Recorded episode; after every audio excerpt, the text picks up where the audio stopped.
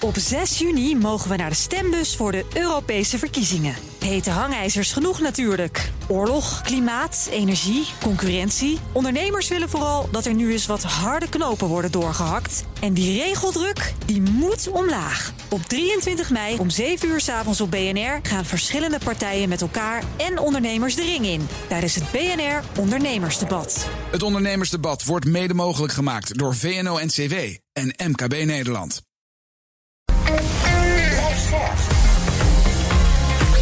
BNR Nieuwsradio. The Big Five. Diana Matroos. Ooit was Groningsgas het succesverhaal van Nederland. Goed voor de consument, goed voor het bedrijfsleven en goed voor de staatskas. Maar na meer dan duizend aardbevingen, flinke schade aan zowel huizen als de gezondheid, is het verworden tot een mega hoofdpijndossier. Parlementaire enquêtecommissie probeert natuurlijk de onderste steen nu naar boven te halen. En dat doe ik deze week ook met de hoofdrolspelers en eigenlijk een mini-enquête in BNR's Big Five van het Groningsgas. Wat is nou het echte verhaal achter Groningen? En waarom lijken ze nog altijd de speelbal, nu met de gascrisis bijvoorbeeld weer geroepen wordt, zet het gas daar maar weer lekker aan. Vandaag duik ik in het dossier met niemand minder dan Johan Aatma. Hij werkte voor Shell, hij werkte voor NAM en sinds 2018 is hij de directeur van de NAM, de Nederlandse aardoliemaatschappij. Van harte welkom. We hebben afgesproken elkaar te tutoyeren, dus dan uh, snapt iedereen uh, dat ook. Voordat ik het natuurlijk ga hebben over al het leed en de schadeafhandeling, et cetera, et cetera, wil ik eerst twee dingen uh, van je weten. Allereerst, ik begrijp dat uh, volgende week de NAM 75 jaar bestaat. Dat klopt. En dat is ook een moment nou ja, om feest te vieren, meestal hè, na zoveel jaar. Maar ook om terug te kijken wat nou het belangrijkste is dat je hebt geleerd. En wat zou je er dan uitpakken? Nou, volgende week gaan wij inderdaad feest vieren. We doen dat wel gepast. Uh, uh, we hebben 75 jaar geschiedenis. 65 jaar daarvan was inderdaad erg veel succes. En uh, kijken we met veel plezier op terug. Maar goed, de afgelopen tien jaar hebben we wel een smet op onze historie gegeven. en, en daar houden we rekening mee. Nou, over de lering van, van Groningen, ik kan er meer over vertellen. Wij hebben vanaf 2017 intern uh, lang gesproken met elkaar, uh, met externe partijen. Toen ik in 2018 binnenkwam, heb ik heel veel mensen bezocht. Om, ja, want je kwam weer terug, hè? Eigenlijk. Ik kwam weer terug. En dan als directeur. En ik kende de NAM, ik kende de mensen. Ik had ja. de crisis zelf gemist. Toen zat ik in Den Haag bij Shell. Um, maar goed, ik heb in 2018 ontzettend veel werken van gemaakt. Samen met, met de NAM-mensen, of de mensen binnen NAM. Om te achterhalen van waar is het hier voor ons misgegaan. Wij hebben een hoofdrol, in elk geval een hele grote rol gespeeld in deze crisis. Zowel in het ontstaan ervan als de escalatie. En, en wij hebben daar lessen te leren. En wat is dan het allerbelangrijkste als je er één zou moeten noemen?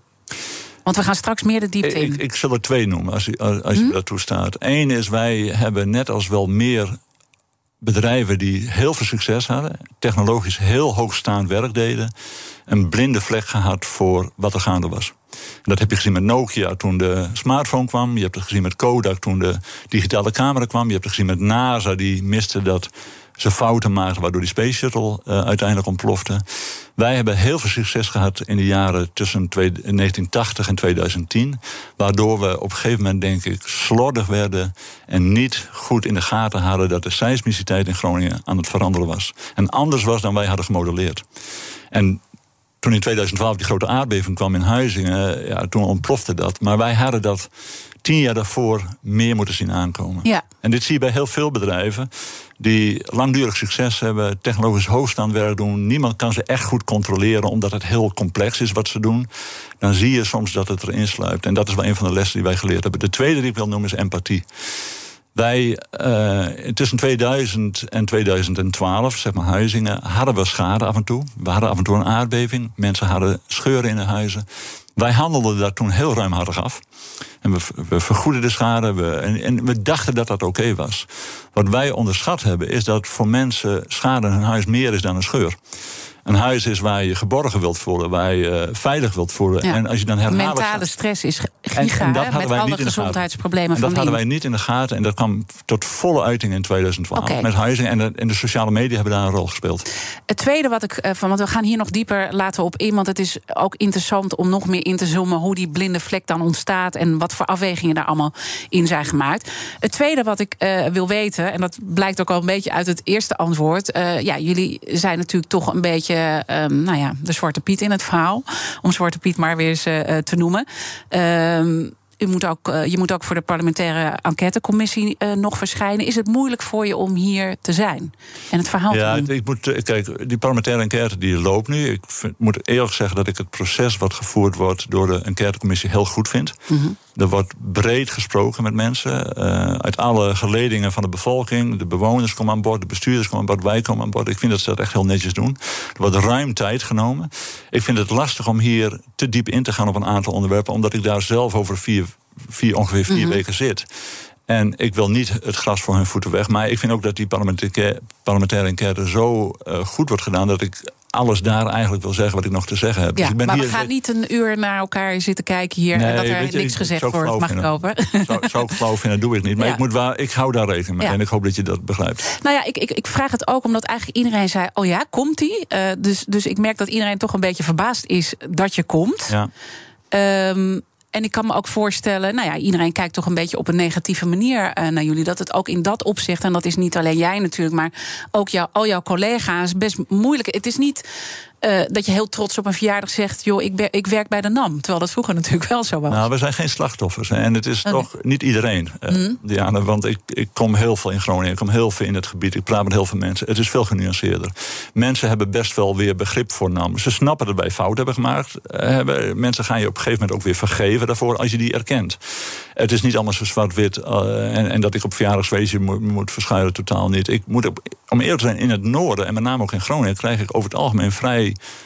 vriendelijke reacties. Zelfs nadat ik bijvoorbeeld een interview in de NRC heb gehad, die, die toen redelijk ontspoorde. Merkte ik het op straat in Groningen, waar ik toen woonde. Heb je daar een verklaring voor? Want zit het dan meer in de. eh, Ik heb e- eerder met eh, commissaris van de Koning René Paas gesproken. En die zei: Ja, jullie in de randstad kijken gewoon echt op totaal verkeerde manier soms naar ons. En dan had hij ook een paar mooie voorbeelden. Is dit dan ook zo'n voorbeeld? Dat wij helemaal niet Nou, weten hoe de Groningers echt denken? We- weet ik niet. Ik denk dat de mensen in de Randstad niet dramatisch anders zijn dan de mensen in Mhm. het noorden. Ik denk wat wel meespeelt, dat in de media, als ik het heel eerlijk moet zijn, wordt het vaak samengevat in te korte, bondige statements. Bijvoorbeeld wat je net zei, nam iedereen ziet jullie als Zwarte Piet. Ja, dat is een te bondige statement, maar niet iedereen doet dat. Er zijn genoeg mensen die denken, ja, maar de NAM heeft een rol gespeeld, maar er waren ook andere partijen, als de overheid, et cetera. Mhm. Ja. Nou ja, jullie wonen zelf ook natuurlijk. eh, heel veel collega's wonen in dat gebied, hebben zelf ook scheuren. Hè? Of families. Ja. Hè? Dus, Ja. dus het is allemaal eh, dichtbij. We gaan straks, eh, zoals gezegd, meer inzoomen op waar, waar dat nou allemaal fout is gegaan in het proces. Maar het is ook belangrijk om ook nog eventjes het laatste nieuws eh, door te nemen. Want ja, alles draait nu natuurlijk om eh, de energiecrisis. Eh, heb je daar trouwens zorgen over? Ik heb er grote zorgen over. Ja. Vertel eens. Nou, kijk, ik, de, ten eerste de rekening. Ik, ik, ik, wij hadden zelf thuis een, een vast contract tot en met augustus. Wij betaalden 120 euro aan gas. Die is vanaf september omgezet naar 500 euro per maand. Eh, mijn vrouw werkt bij jeugdzorg. Van haar salaris kunnen we dat niet betalen. En ik verdien heel goed, dus voor ons is dat dan geen probleem. Maar voor heel veel Nederlanders is dit niet te doen. Nee, en dus je ziet aan alle kanten, eh, het slaat keihard om zich heen. Ook de ondernemers. We hebben natuurlijk veel ondernemers die luisteren, moeten hun eh, bedrijven sluiten. En dan zie je toch steeds vaker dat opdoemt. laten we gewoon Groningen weer meer gaan aanzetten. Dus in plaats van de afbouw meer aanzetten. Is dat een scenario waar jullie rekening mee houden? Ja, we houden er zeker in rekening mee. Kijk, het is, eh, uiteindelijk is het aan de staatssecretaris om dat te besluiten. Want als hij in een discussie komt van leveringszekerheid, wat ook veiligheid is. Hè, want leveringszekerheid praat je erover of je een bejaardentehuis of een verpleegtehuis van, het, van de energie moet afzetten. Nou, als dat de kwestie wordt, dan heeft hij een groot dilemma van doe ik Groningen gas of ga ik dat doen? Ik ben blij dat ik die keuze niet hoef te maken. Wij houden er wel rekening mee in die zin dat de minister of de staatssecretaris heeft mij opdracht gegeven om Groningen ook het komende twaalf maanden op stand-by te zetten. Zodat als dat scenario zich voordoet, dat wij Groningen kunnen produceren. Wij bepalen dat helemaal zelf niet. Ik krijg letterlijk een instructie. Eh, maar als we die krijgen, zijn wij er klaar voor. Ja, ehm, eh, dan is het zo dat je bepaalde compressoren nodig hebt, heb ik begrepen. Ehm, in een podcast van de NOS zei staatssecretaris Velbrief dat het voor bedrijven ook aantrekkelijker is geworden om die investeringen te doen. En dat voelt toch een beetje als een opmaat dat het gewoon al gaat gebeuren. Nee, dat is niet zo. En dat, dat was denk ik een uh, niet, niet helemaal correcte uh, statement van hem. Want wij hebben die compressoren al, die staan op standby. Het is feitelijk gelijk met je auto. Als je je auto in de garage zet, is het af en toe verstandig om hem even te rijden. Want als je dat zes maanden niet doet, dan doet hij het niet. Wij hebben die compressoren al.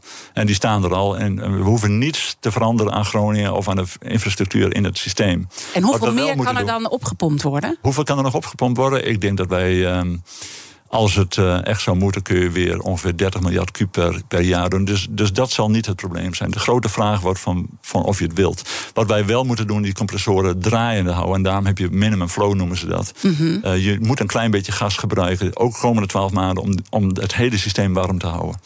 Oké, dus het, uh, het kan. Jullie zijn er gewoon uh, klaar voor. En dan zeg je inderdaad, de grote vraag is: ja, wil je het? Want dan komt wel om de hoek kijken dat de Groningers, in ieder geval dat is ons beeld dan, hè, dus, dus correct me if I'm wrong, uh, dat helemaal niet willen. Want die hebben al zoveel ellende. En die waren ontzettend blij dat alles naar nul ging. Nou, sowieso gaat dat veel langer duren. En dan zou je het nu juist weer gaan oppompen.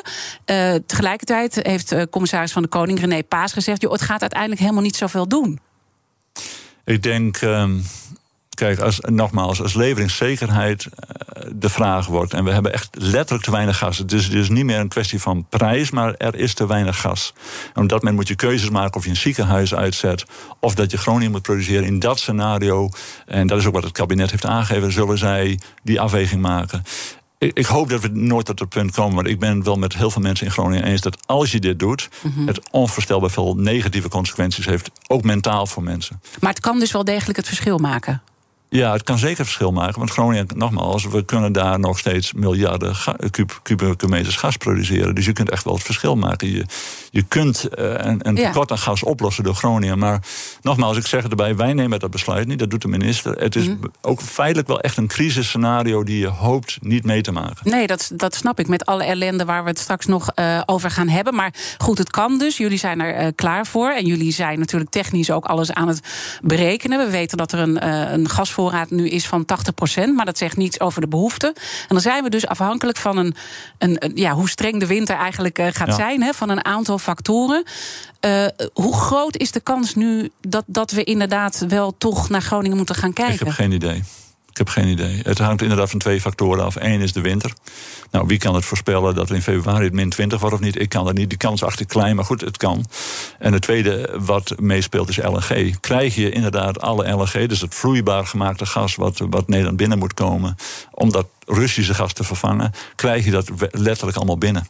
Ja. En als die twee eh, goed gaan, dus we hebben een zachte winter zoals we vorig jaar hadden en de LNG komt binnen, is er geen probleem. The Big Five. Diana Matroos. Mijn gast is Johan Atema, directeur van de NAM. Uh, je hebt net al verteld uh, nou ja, dat, dat, dat jullie klaar zijn voor elk uh, scenario. Wat ons toch verbaast, hoewel ik ook begrepen heb dat het eigenlijk al oud nieuws was. Maar vorige week publiceerde persbureau Reuters dat de verkoop van NAM-onderdelen door dus de moederbedrijven Shell en ExxonMobil weer in de NAM nou ja, geborgd. Nu formeel is begonnen met de verkoop. Dat gaat dus niet om het Groningse gasveld, want dat moet natuurlijk uiteindelijk wel naar nul worden afgebouwd maar om 40 velden op zee. Terwijl ik eigenlijk over de hele energiecrisis uh, steeds hoor. We moeten juist uh, meer uit die uh, zee gaan halen. Dus ja, ik snap eigenlijk niet dat dit nu echt wordt doorgezet, juist op dit moment. Behalve dat de waarde enorm is toegenomen. Ja, dus even heel kort. Vorig jaar hebben wij aangekondigd dat wij uh, gaan herstructureren binnen NAM en de velden op zee. En, en inderdaad zijn dat uh, tientallen platforms met, met gasproductie worden in een aparte BV gezet. En wij gaan kijken of er. En dit is heel gangbaar in de industrie. Dit gebeurt elke zoveel jaren. Ga je kijken, is er iemand anders die meer waarde in die portfolio van assets, hè, dus in die gasvelden ziet, dan wij. En op zich, met jouw tweede punt, van maar is het niet juist belangrijk dat we meer gas gaan produceren? Eén en één is ook twee. Dus als er een partij is die zegt, luister, ik zie veel meer waarde in dat gas, is het juist goed dat je het verkoopt, want die gaat investeren. Het is hetzelfde als dat je je huis verkoopt. Wat gaat de nieuwe bewoner doen? Die gaat de badkamer verbouwen. Nou, ja.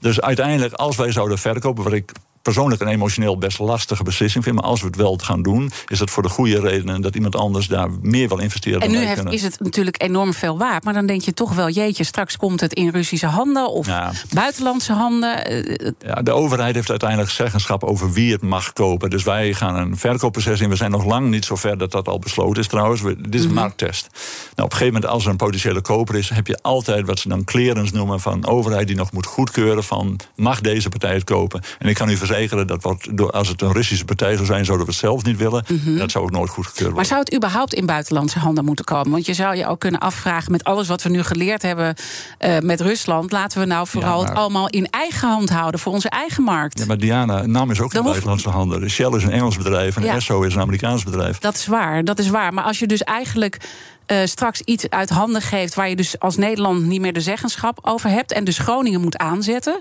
dat is toch wel een raar dilemma wat je dan zou kunnen krijgen. dacht, ik denk dat 90, bijna al het gas wat wij produceren in Nederland is indirect in buitenlandse handen. Totaal produceert op zee, Neptune produceert op zee, de NAM produceert op land en op zee. Het zijn allemaal bedrijven die hun hoofdkantoor in het buitenland hebben. 70% trouwens van de opbrengsten gaat sowieso naar de staat. En in al die licenties zit EBN, onze, onze staatsparticipatie, eh, Energiebeheer Nederland, Mhm. Ja. voor 40%. Dus ik zou, dat is niet anders. dat is de afgelopen dit- 70 jaar dit zo zijn dus geweest. de feiten. En, en als je dan eigenlijk eh, inzoomt ook wat er in Groningen is gebeurd... en dan borduur ik ook een beetje voort op de eerdere gesprekken die ik heb gehad... dan proef je toch ook een beetje dat de eh, zakelijke motieven... wat natuurlijk ook weer goed voor te stellen is bij een bedrijf... Hè, maar zeker ook als je eh, ja, in buitenlandse handen hebt... dan heb je ook het gevoel voor Nederland misschien iets minder... dat, dat ook dat wel misschien een nadeel is hoe er naar zaken is gekeken. Doordat het juist allemaal in buitenlandse handen is. En het ook niet meer Nederlands voelt. Ja, het is nooit Nederlands geweest. Hè. Al die bedrijven, ook NAM en, en, en Total en al die bedrijven... we doen dit al 70 jaar. We doen het ook overal. Ik, ik geloof niet dat dat een verschil maakt. Ik geloof niet dat die bedrijven daardoor andere keuzes maken. Ehm, en, en buitenlandse handen is heel relatief. Als het Total zou zijn, of het zou Vermilion zijn... of Neptune, of wie dan ook... dan is dat een gangbare partij die nu ook al gas produceert in Nederland. Kijk, als Maar dan, een- maar dan komen we toch bij die blinde vlek. Hè? Want eh, die heb je eigenlijk al eh, beschreven. Dat, en nou, dat is ook mooi dat jullie dat doen. En ik zie je dat ook in andere interviews doen. Hè? Toegeven van dingen zijn niet goed gegaan. Daar lessen uittrekken.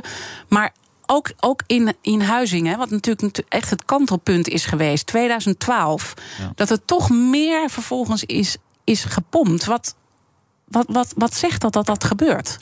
Nou, daar gaat de echte parlementaire enquête diep op in. En dat hebben ze vorige week uitvoerig besproken met eh, minister, ex-minister Kamp en ex-minister Dijsselbloem. De beslissing om in 2013 meer te produceren kwam niet van NAM. En dat kwam ook heel duidelijk in, die, in, die, in al die gesprekken naar voren. Die, die is ergens bij de ministeries besloten. Nou, het is altijd moeilijk om dan iemand te vinden die dat gedaan heeft. Maar dit laat ik echt over een parlementaire enquête om dat te duiden. Want dat is inderdaad een redelijk traumatische beslissing geweest. Want dat heeft de crisis niet alleen heeft niet veroorzaakt, maar onvoorstelbaar geëscaleerd. Al het vertrouwen van de Groningers was daarna weg. Ja. En dat is ook echt, echt, echt het geval. Dat heb ik zelf ook te gehoord. Dat mensen zeiden, ja, dat was wel de Ja, want je bent daar ook geweest, toch? Toen het net eh, ik heb- gebeurd is in huis. ben je al die huizen langs Ik heb tot, deze, tot, tot vorig jaar tien jaar in, in de stad Groningen gewoond. En ik kom nog steeds heel veel in het gebied. NAM heeft inderdaad honderden medewerkers die in Groningen wonen of daar familie hebben, et cetera. Dus wij zijn heel erg verbonden met het gebied. Wij zijn een, een noordelijk bedrijf. En je kunt het aan mijn accent horen. Wij, wij Mhm. komen uit Friesland, Groningen en Drenthe. Dat is wie we zijn. Al hebben we ook in Noord- en Zuid-Holland gasvelden. Maar we zijn eh, absoluut verbonden met die regio. Eh, Maar die beslissing over 2013, ik zou afwachten wat de parlementaire enquête daar uiteindelijk Mhm. over evalueert. Nou ja, we weten natuurlijk wel dat topambtenaar eh, Jos de Groot heeft gezegd... eh, dat argument van de leveringszekerheid, dat was helemaal niet het geval. Want die leveringszekerheid kon gewoon geborgd worden. Dus dat was niet de juiste argumentatie. Nou ja, daar riekt toch één ding. de staatskas moest respect worden. Want als je dan even helemaal terugkijkt naar het begin eigenlijk... van de NAM en van het Groningse gas... Het was natuurlijk een groot succesverhaal. We hebben daar veel aan te danken, toch? Ja, allemaal. Allemaal. Allemaal. Ik denk dat. ehm, kijk, wat, wat Jos de Groot heeft gezegd en dergelijke. ga ik niet op in. Eh, dat moet de parlementaire enquête Mhm. nu maar besluiten over en evalueren. Wat, wat het succesverhaal Diana is, is gigantisch. Ik, wij hebben wel eens uitgerekend dat. Elke Nederlander elk jaar, tientallen jaren, ongeveer 900 euro uit de Groningen bijdrage gekregen. Ik heb ervan gestudeerd. De hele studiefinanciering werd daarvan betaald. De sociale zekerheid. We hebben met z'n allen onvoorstelbaar geprofiteerd van het Gronings gas. Eh, en, en het is dan ook wel schrijnend om te zien dat al dat geld naar de staatskas is gegaan en goed is besteed. Mhm. Daar geen twijfel. Maar wel heel weinig in het gebied zelf is terechtgekomen. Ja, dat is maar eh 1%. En als het dan gaat, oké, de, de NAM, eh, de bedrijven die daarachter zitten, die hebben daar ook lekker aan verdiend. Maar de staat heeft echt giga veel geld verdiend. Eh, ik geloof 80%, 90% misschien wel eh, van de hele pot. En die trekken dus ook aan de touwtjes. Ja. dat is waar. Aan de andere kant, ik, de staat heeft inderdaad eh, 90% ongeveer verdiend aan het. Ik heb daar minder moeite mee, want ik vind de ondergrondse eh, bronnen die wij hebben, of het nou goud zou zijn of diamant of olie, dat die in staatshanden is en dat wij met z'n allen daar het meest van profiteren, ben ik mee eens. En het alternatief is Amerika, waar degene die boven de grond woont de eigenaar is en alle opbrengsten heeft, vind ik niet goed. Ik vind het beter om dat gezamenlijk te delen. Dat de bedrijven eraan verdienen als NAM, wij hebben er ook heel veel aan verdiend, prima, maar dat de staat de grootste profiteur is van het Groningsgas, daar heb ik geen morele moeite mee. Dat vind ik eigenlijk goed. Zolang dat geld maar goed besteed is. Nou, Ja. ik heb het idee dat er heel veel goede dingen voor gedaan Ja, maar goed, Huizingen was natuurlijk een heel eh, verkeerd kantelpunt. Wat er Ja. daarna allemaal eh, eh, is gebeurd. En daar zeg je ook van, ja, da- daar hebben wij geen aandeel in gehad. En moeten maar uitvinden wie dat dan wel op die knop heeft gedrukt. met welke argumentatie daarachter zit. Is het niet ergens oneerlijk. ehm, dat jullie eigenlijk het etiket krijgen dat jullie de, de, de boef zijn in het verhaal. Terwijl uiteindelijk de overheid aan de touwtjes heeft getrokken. En ook mega veel, veel meer dan jullie heeft verdiend. Ja, ik weet niet. Ik, nogmaals, ik wil geen slachtoffer zijn. Want kijk, die hele beslissing rondom 2013 waren wij niet bij betrokken. En daar hebben wij ook niet de schuld van gekregen. Misschien in Mhm. Maar het is verleden wel belangrijk voor ons allemaal om dat verhaal helder te krijgen. Want ik merk gewoon in deze week.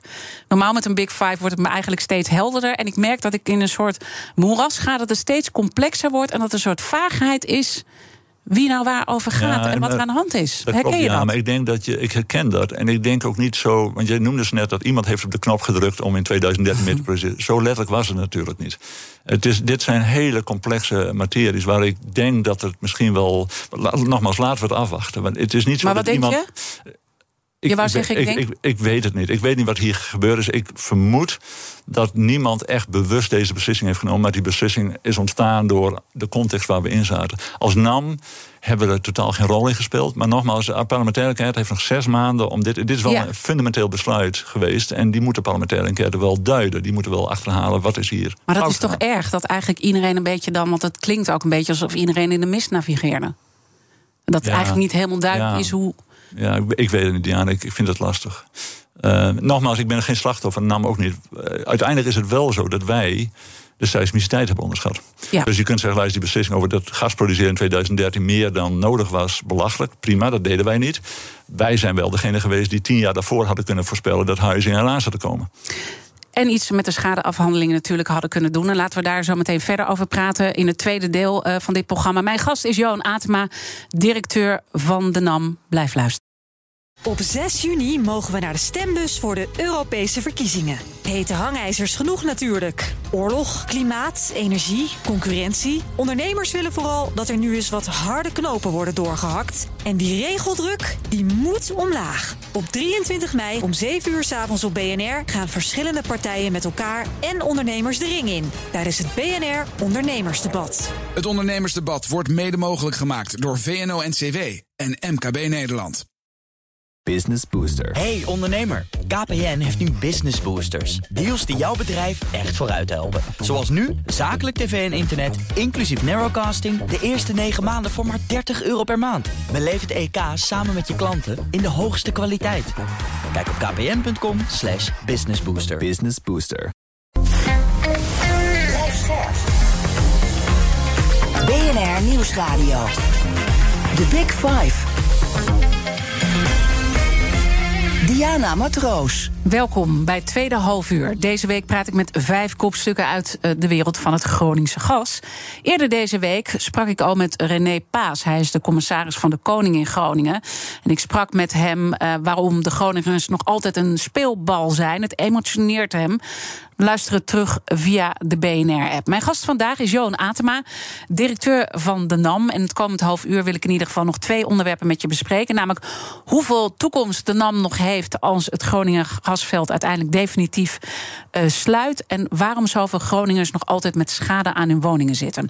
En laten we met dat laatste beginnen. En misschien ook het moment pakken uh, dat jij eigenlijk bij het bedrijf uh, terugkwam. Hè? Want je was in 2013, je werkte bij de NAM in 2013, vertrokken naar Shell, maar in 2018 uh, terug bij de NAM als directeur.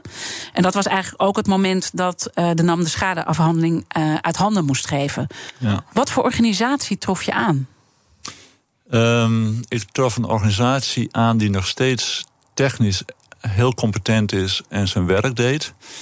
Um, ik trof wel een organisatie aan die een flink trauma heeft meegemaakt. Uh, nogmaals, we zijn geen slachtoffers, maar het doet wel wat met ons. Hè, om, mm -hmm. om, heel veel het nieuws te zijn. En nogmaals, mensen wonen in Drenthe, Groningen, ja. Friesland, horen thuis en, en via de buurt dat, dat, dat we fouten hebben gemaakt gek genoeg, Diana, vond ik ook de veerkracht in het bedrijf opmerkelijk hoog. Ik dacht dat ik een heel erg aangeslagen bedrijf zou aantreffen. En dat viel mij ontzettend mee.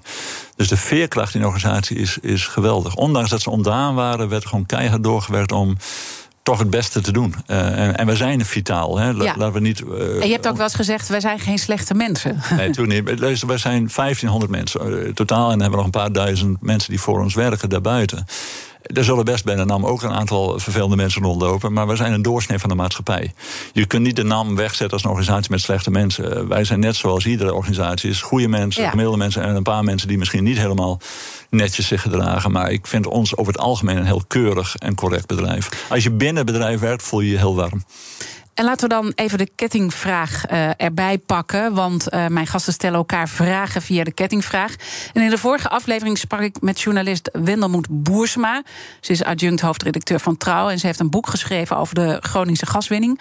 Gronings Goud. Gelezen trouwens? Ja, grotendeels. Niet ja? helemaal. Oké. Okay. Ze had namelijk een interessante vraag voor je als het gaat van uh, geen slechte mensen. Maar wat er dan vervolgens allemaal gebeurt. Luister maar. Ja, beste meneer Atena, de NAM is op een gegeven moment op afstand gezet in het beoordelen van de schade en de versterkingsoperatie. Maar de harde afspraak is dat de NAM wel blijft betalen. En nu zijn er ook dit voorjaar weer geluiden dat de NAM toch achter de schermen probeert te beïnvloeden in welke mate er normen zijn voor versterking. Met andere woorden, hoeveel geld daaraan wordt besteed. Wanneer houdt de NAM daarmee op en gaat ruimhartig de facturen betalen waartoe ze zich verplicht heeft. Ik, ik zie je al lachen. Je, je voelt dit soort vragen natuurlijk al met een kilometer afstand aankomen. Ja, nou, weet je, wij bemoeien ons al heel erg lang niet meer met de, het beleid. We staan echt op afstand. En laat ik dit heel kort uitleggen, want dit is voor heel veel mensen die niet constant bij Groningen betrokken zijn, lastig te begrijpen. Mm -hmm. Er zijn door de regering twee instanties opgericht. Eén die schade doet, die heet het Instituut Mijnbouwschade Groningen. En één die doet versterking, die heet de Nationaal Coördinator Groningen. Dat zijn onafhankelijke instanties die het beleid bepalen en de uitvoering coördineren. Wij hebben daar niets mee te doen. Ik praat nooit met die mensen. Mm -hmm. dat, dat, doet geen nammer. Op het moment dat die bedrijven hun schadeafhandeling of hun versterking hebben gedaan, moet een rekening worden betaald, dat doen ze. En die rekening gaat dan naar het ministerie van Economische Zaken. Het ministerie van Economische Zaken moet dan bepalen hoeveel daarvan wij moeten meebetalen. In 2018 hebben we daar afspraken over gemaakt, waar wij aansprakelijk voor zijn. Toen jij dus begon ook. Ja, ja. ik heb ze zelf ondertekend. Dus uh, de schade ten gevolge van gaswinning gaan wij gewoon aan meebetalen. Uh, de versterking uh, voor veiligheid gaan wij gewoon aan meebetalen. Dus we hebben dus een hele goede contract opgezet ja. in 2018 om dat te doen.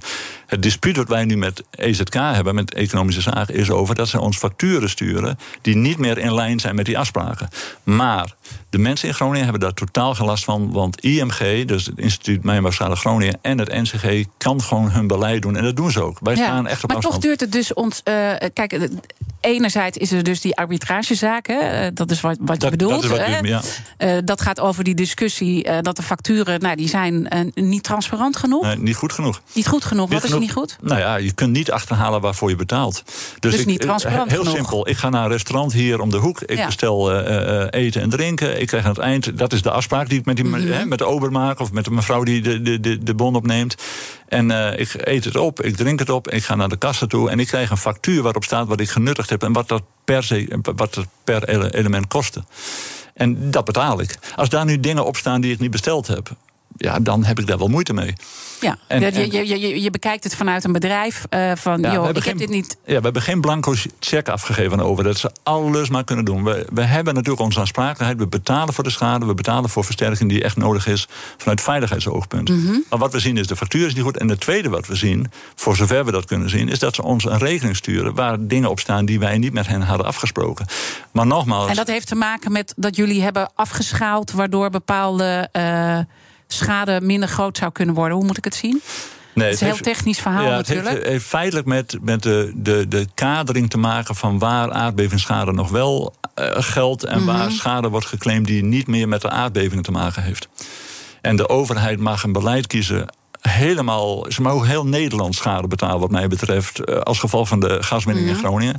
Je kunt niet mensen uit Zeeland dan eh, eh, vergoeden en vervolgens de rekening naar NAM sturen.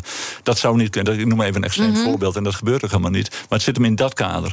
Ehm, maar terug op de vraag: wij bemoeien ons niet met het beleid. Wij Mhm. zijn op geen enkele manier betrokken bij de eventuele Maar, maar, maar oké, ehm, ik snap dat je als bedrijf gewoon duidelijkheid wil hebben over Tuurlijk, facturen. tuurlijk. Ehm, maar wat, wat toch een beetje in een beeldvorming, want wij hebben het op de redactie ook heel lang over gehad. Kan je dit nou voorstellen als bedrijf? Maar met alle ellende die de Groningers Hmm. dus hebben gehad. En, en je eerder vertelde van wij zitten erg in de techniek. Hè? Hmm. Dat is onze eerdere fout geweest. En we hebben de emotie ook onder, onderschat. Dit zorgt ook voor heel veel emotie bij Groningen. Je zou kunnen zeggen, ze hebben zo weinig al geprofiteerd. Hè? Je noemde zelf die 1% eh, die terug is gevloeid eh, naar Groningen. Ze hebben zoveel ellende gehad. Moet je dan niet, ook al eh, heeft de overheid eh, dit niet goed gedaan, op een gegeven moment denken. Zwaar. Hebben we Wij, jaar hebben- wij, hebben, wij hebben gewoon een hartstikke bloeiend bedrijf. We gaan Diana, het gewoon betalen. We maken goede sier. Ja. We geven het goede voorbeeld. Ja, Diana, we hebben drie jaar lang de rekening betaald. Drie jaar lang heeft onze accountant gezegd: dit kun je niet blijven doen. Drie jaar lang de rekenkamer van de overheid heeft hier commentaar op geleverd dat dit niet goed is. Mhm. Wat zou je ervan vinden als wij als privaatbedrijf 100 miljoen overmaken naar een overheid, wat we doen, zonder precies te weten wat de overheid ermee te doet? Dat, dat is gewoon geen goed principe. We hebben drie jaar lang tegen de overheid gezegd in het ministerie van ga alsjeblieft nieuwe afspraken met ons maken, want hier moeten we over praten. Mhm. Die voelen niet de ruimte om dat te kunnen doen. En daarom, ook voor de beeldvorming, gaan we nu wel arbitreren. Want Ja. ik wil nu wel in het open hebben dat een onafhankelijke partij er naar kijkt. En, die dan, en daarna kunnen we er ook openlijk over communiceren. Want ik snap dat die beeldvorming heel vervelend is. Ja. Maar wat moet ik dan? Ik kan niet maar een blanco cheque afgeven. Ja. Dat, wat, wat, dat, dat geeft de volgende parlementaire enquête als ik dat blijf doen. Ja, en, en, en dat is dan een dilemma waar jij mee worstelt, eh, kan ik me voorstellen. Worstel je ermee? Daar worstel ik wel mee. We hebben nogmaals drie jaar lang speelt dit al. Ik vind het Ja. een meest vervelende issue die we hebben. Maar, maar hoe kan het dat je die antwoorden. Hè, want ik heb ook een, een prachtig interview eh, eh, met je gezien bij. eh, de regionale televisiezender, daar gaat het ook heel lang daarover. En dan zeg je, we krijgen eigenlijk, dat was dan voor die arbitragezaak nog, toen, toen hing dat boven de markt. Je zei, ik krijg eigenlijk geen antwoorden van de overheid. Ja, de, de ministeries, de ambtenaren zitten onvoorstelbaar in de knel, lijkt het, tussen afspraken met ons moeten maken versus de politiek die dat eigenlijk niet wil. Het is in Nederland gewoon heel moeilijk geworden voor ministeries of ambtenaren om met bedrijfsleven afspraken te maken zonder dat de Tweede Kamer die moet goedkeuren. Nou, dat moeten we misschien met z'n allen willen, dat die Tweede Kamer zich daarmee goedkeurt. Maar dan zie je ook dat de polarisatie inmiddels zo groot is dat heel veel mensen in de Tweede Kamer dat niet meer willen. Die willen geen enkele afspraak met, eh, met NAM hebben, die willen geen enkele afspraak met onze aandeelhouders hebben. Er moet gewoon eh, betaald worden. Dat is dan de simpele statement. Ja, dat maakt het voor die ambtenaren bij het ministerie heel erg moeilijk om nieuwe afspraken met ons te maken. Want laat ik eerlijk zijn, ik begrijp dat als je afspraken maakt in 2018, dat je nu misschien denkt: God, die afspraken waren niet helemaal goed. En we moeten opnieuw om tafel om. En ik wil als NAM best meebetalen aan dingen die nuttig zijn voor Groningen. Maar ik wil wel dat in een overeenkomst hebben. Ik wil geen willekeur. Dus wij betalen bijvoorbeeld mee aan het Nationaal Programma Groningen. Dat is een fonds waar Groningen beter van moet worden. Eh 1,1 miljard euro zit erin, hebben wij 500 miljoen aan meebetaald. Ja, dat is ruimhartigheid. Ja. Daar heb ik ook geen enkele moeite mee. Maar, maar, maar, maar de overheid heeft dus. Hè, want eerder beschreef je eigenlijk ook van. Eh, hè, want dan gaat ook van slechte mensen. We zitten ook een beetje in een cultuur om schuldigen eh, aan te wijzen. Ja. Eh, Is, is dat ook een beetje het probleem geworden... waardoor iedereen een beetje om zich heen zit te kijken... een beetje paniek die we eigenlijk ook bij de toeslagenaffaire zien? Wij, wij lijken, ik heb heel lang in het buitenland gewoond. En, en, en wat, toen ik terugkwam, wat, wat lijkt te veranderd zijn in Nederland, dat het polderen een negatieve connotatie heeft gekregen. Dus waar we tientallen jaren in het verleden afspraken maakten tussen werkgevers, werknemers, overheid, burger. En daar langdurig beleid op konden enten. Het lijkt dat we dat niet meer kunnen. Dat we dat Maar de Groningers zijn er dus nog steeds de dupe van. Dat is, dat is dus het Ja. erge. Het duurt maar en het duurbaar. En dat, dat geldt dus ook voor die versterkingsoperatie... die alleen maar vertraging oploopt. Dan wordt er ook weer iets gewijzigd in de regelingen. Het, het is gewoon niet meer te overzien, lijkt het. Eh, het einde is niet in zicht. En de ellende duurt maar voort voor de De Groningers. versterkingsoperatie is echt dramatisch. Kijk, schade, ik, wat ik hoor eh, in het aardbevingsgebied wordt redelijk goed afgehandeld. Daar zit niet de grootste frustratie. Waar mensen onvoorstelbaar veel moeite mee hebben, is hoe de versterkingsoperatie gaat. En dat mensen in een wachtstand zitten, niet weten waar ze aan toe zijn en jaren moeten wachten om daar. Mhm. ik, ik, ik spreek mensen waar je. Waar ik naar huis zei en, en echt mismoedig ben. Dat ik denk van mij, god, Ja. je zult hierin zitten. Maar je hebt zelf daarin ook fouten gemaakt, toch? Door die 50 huizen te noemen. Dat, Ja, dat was- dat was een hele eh, onhandige uitspraak. aanleiding van een NRC-interview. Ja, ja, dat heb ik toen gedaan. Had ik niet moeten doen. Ik ben naar het aardbevingsgebied daarna geweest, de dag daarna. Want ik, het was natuurlijk een waanzinnige rel. Maar ik dacht, ik wil toch ook wel van die mensen zelf horen... wat, wat ik hier nou fout gedaan heb. En, en wat ze zei dus van de strekking van jouw verhaal was niet slecht. Die zegt, ja, weet je, als, als Groningen ingesloten wordt... krijg je minder eh, gaswinning, krijg je minder seismiciteit... krijg je minder aardbeving, dus minder versterking. Dat snappen ze. Ja, dat had je ook gezegd op Ja. basis van berekeningen die Ja. er dan door Ja, TNO ik had alleen zijn nooit gemaakt. een getal moeten noemen, want Nee. dat, dat verwarde werkelijk iedereen. En, en dat is on, onvoorstelbaar onhandig. Maar En- waarom duurt die versterkingsoperatie dan zo lang? Hè? Ik bedoel, dat, dat schadeverhaal, nou ja, dat, dat hebben we besproken. Maar de versterkingsoperatie, waarom zo lang? ook weer een parlementaire enquête vragen, eh, Diane. eh, wat gaat hier mis? Wat, wat is hier zo complex dat we het niet meer kunnen organiseren? Ehm, ik weet het niet. Wij, wij staan hier echt op afstand. Wij zijn hier niet rechtstreeks bij betrokken. Ik zie wel dat het echt niet goed gaat. Ehm, ik spreek volgende week weer vijf bewoners in Groningen. En, en, en het zijn schrijnende verhalen. Mensen hebben echt, echt waanzinnige stress.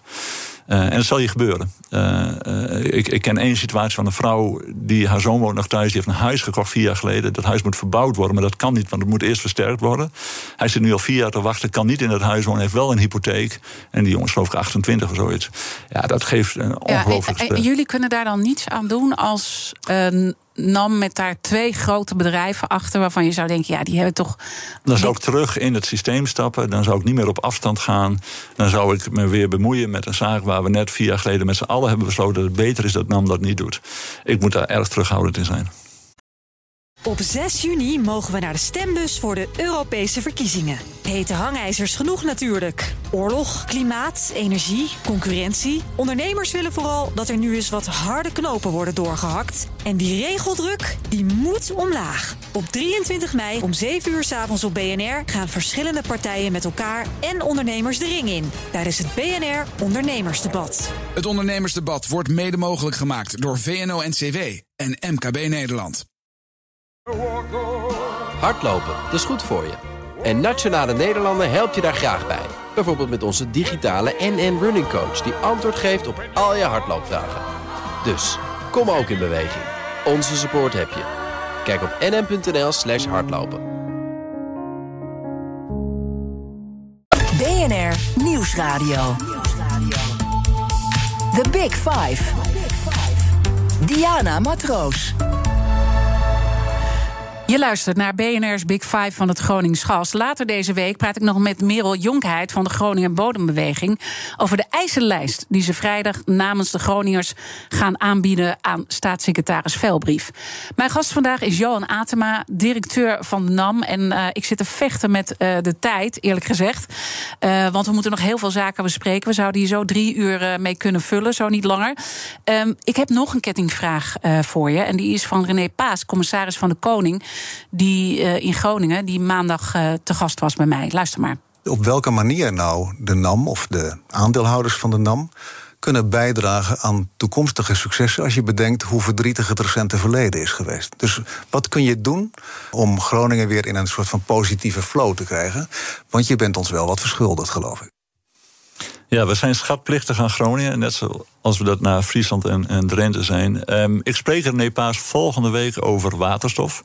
Uh, er komt ook een aantal senior mensen van Shell mee. Wij zijn in gesprek met de provincie om te kijken wat we daar kunnen doen. En, ik zou heel graag willen dat, dat, dat we daar. Um, dat we daar echt projecten gaan opzetten. Kijk, Groningen is een hele logische plek om iets te gaan doen met waterstof. Eén is omdat je daar de ruimte hebt, de infrastructuur... en je kunt vrij snel uh, installaties neerzetten. Mm. Tweede, het is verbonden met de zee. Dus je kunt windparken op, op, op waterstof aansluiten. En het derde is, we hebben de ondergrondse gasopslagen. Hè, in Groningen en, en eentje in, in Noord-Drenthe. Waar waterstof op termijn ook opgeslagen kan worden. Dus we zitten volgende week weer samen met René Paas. Ik moet er wel bij zeggen, waterstof is, is constant een hot topic. Iedereen Ja. praat over. Het wordt wel een van de lange adem. Waterstofeconomie bestaat pas in 2040 op zijn vroegst. Dus daar zal ik eerlijk over zijn. Maar we moeten er wel mee beginnen. Ja, dus daarom allerlei teksten van we gaan van het gas af. Dat, dat, dat, is niet ook handig. gewoon niet, eh, Dat eh, niet realistisch. Hè? Dat Nee. zijn, zijn dat ook die, van die teksten die je bedoelt, soms die er in de Tweede Ja, Kamer die- gebezigd die- worden zonder mij- kennis van zaken? die hebben mij de afgelopen vier jaar toch wel echt gestoord. Je hebt je oude schoenen weggegooid zonder dat je nieuwe had. En ja, je kunt weten dat met 8 miljoen huishoudens die nog op het gas zitten... en we bouwen er 500 per jaar om... dat dat niet in twee jaar tijd eh, we van het gas af zijn. We zitten, laat ik je een paar getallen geven. We gebruiken dit jaar ongeveer 30 miljard kuub. In 2030 gebruiken we nog 20 miljard kuub... en in 2040 nog 10 miljard kuub. Dus het gaat omlaag. Maar ook in 2040 hebben we nog gas nodig. Nou kun je daar wel wat mee doen. Je kunt het vervangen met waterstof. Je kunt CO2-opslag doen. Je Ja. kunt allerlei dingen doen. Maar van het gas af is een proces... wat tientallen jaren gaat duren en niet in twee En jaar is dat ook een beetje de hypocrisie dan bij ons allen? Want we vinden Nou, allemaal is- van alles. Terwijl we zijn zelf ook degene die kan gewoon aanzetten, in de auto zitten. Eh, Ik bedoel, het is altijd zo makkelijk om te wijzen. Ik kwam bij één gemeente in de provincie Utrecht, ik zal hem niet noemen. En die wilde geen gas, waren ze heel duidelijk over. Die wilden geen zonnepark, ze wilden geen windmolens en ze wilden geen geothermie. Maar daar kwamen we voor. Maar ze willen wel energie. Ja. Ja. dus dat is inderdaad wel schrijnend af en toe. Je denkt van, ja, weet je, ja. En, en ik, wij hebben vier jaar lang gezegd... wil je dan zo afhankelijk worden van. Russisch gas? Nou ja, dat weten we nu dus ook wat, dan, wat er dan gebeurt. Ja. Ehm, Oké, jullie willen dus dingen teruggeven eh, aan Groningen. Maar hoe gaan jullie zorgen dat er niet nu 1% maar teruggaat naar de Groningers? Hè? Want dat is natuurlijk. Je moet natuurlijk niet dezelfde fouten weer opnieuw gaan maken. Nee, ik, ben een groot voorstander. En we doen een, een pro- een project in, in Friesland, Ternaat, ook, ook bekend. Waar, waar ik er een groot voorstander van ben. Dat een redelijk deel van de opbrengsten van de NAM, ook van de staat, naar de regio gaan. En dit is, Diana, dit is volstrekt normaal. In Duitsland gaat 20% van de opbrengst naar de regio. In, in, in Frankrijk van de kerncentrales gaat een derde naar de regio. Alleen Nederland heeft een systeem waar alle opbrengsten naar de staat gaan en niet in de regio terechtkomen. Dus ik vind dat. En dat ook- is misschien wel de droevigste les als je ja, maar dat is een van de redenen waarom de crisis ook zo geëscaleerd is. Als de, de crisis kwam er toch door de aardbevingen, de schade, et cetera. Maar is geëscaleerd in de emotie, doordat ze zich ook een windgewest voelden. Als wij altijd 10% van de opbrengsten van die 400 miljard, Ja. 40 miljard aan Groningen hadden gegeven, was de pijn een stuk minder hard eh, geweest. Hadden we nog steeds ingesloten, want onveilig is onveilig. Maar de emotie eromheen was anders geweest. En terwijl wij er dus met z'n allen flink van hebben geprofiteerd. En je zei zelf, ik heb ervan kunnen eh, studeren. Hè. Ik bedoel, de, hele verzorgingsstaat eh, Ja. is ermee eh, gespekt. We zijn de crisis in 2008. eh, ehm, de- en daarna ben je daarvan daarmee doorgekomen. Maar had dan iets meer aan ze teruggegeven. Ja. En, en, en misschien ook niet zo hotel naar de Groningers kijken. Want dat hoorde ik ook bij René Paas. Een soort woede vanuit de Randstad. eh, ook dat we met z'n allen dit zo lang hebben laten lopen. Ik ben een Fries, hè, dus wij kijken Ja. met veel, veel Wij kijken heel, met hele vriendelijke ogen naar de Groningers. Ehm, nee, eh, weet je, ook vooruitgaand, ook eh, energietransitie, waterstof, windparken. Je moet eraan denken, hoe gaat de regio mee profiteren van de opbrengsten? Dat is wel een les die we moeten leren van Groningen. Het kan niet zijn dat alle opbrengsten zometeen in de energietransitie van windparken allemaal naar de staat gaan en dat de regio er niets van terugziet. Sorry dat je even moet onderbreken, want we moeten nog één belangrijke zaak eh, verrichten. De kettingvraag eh, gaat door. Je mag een korte bondige vraag stellen aan mijn volgende gast. Dat is namelijk mensenrechtenadvocaat Jan van der Venus. Hij zorgde er via de VN voor dat Nederland een flinke tik op de vingers kreeg vanwege het Groningse gas. Wat zou je aan hem willen vragen? Wat ik aan hem zou willen vragen, dat het mij lijkt dat wij nu inmiddels op heel veel terreinen via rechtszaken elkaar proberen te corrigeren. Ik kom uit het verleden waarbij we met convenanten werkten, met afspraken, met het polderen. Daar was dat niet nodig. Wat is er voor nodig om weer terug te gaan naar een samenwerking waarbij niet de rechter hoeft te oordelen, maar dat we elkaar weer terugvinden? Waarom kunnen we niet een context creëren dat dat weer kan? Dank je wel voor deze vraag. Die ga ik hem stellen. En dank eh, voor je komst. Johan Atema, directeur van de NAM. En natuurlijk is alles van BNR's Big Five terug te luisteren. Abonneer je op onze podcast via onze app of je favoriete podcastkanaal. Maar blijf live. Zometeen Conor Klerks met BNR Breekt. Ik wens je een mooie dag. Op 6 juni mogen we naar de stembus voor de Europese verkiezingen. Hete hangijzers genoeg natuurlijk. Oorlog, klimaat, energie, concurrentie. Ondernemers willen vooral dat er nu eens wat harde knopen worden doorgehakt. En die regeldruk, die moet omlaag. Op 23 mei om 7 uur 's avonds op BNR gaan verschillende partijen met elkaar en ondernemers de ring in. Tijdens het BNR Ondernemersdebat. Het ondernemersdebat wordt mede mogelijk gemaakt door VNO-NCW en MKB Nederland.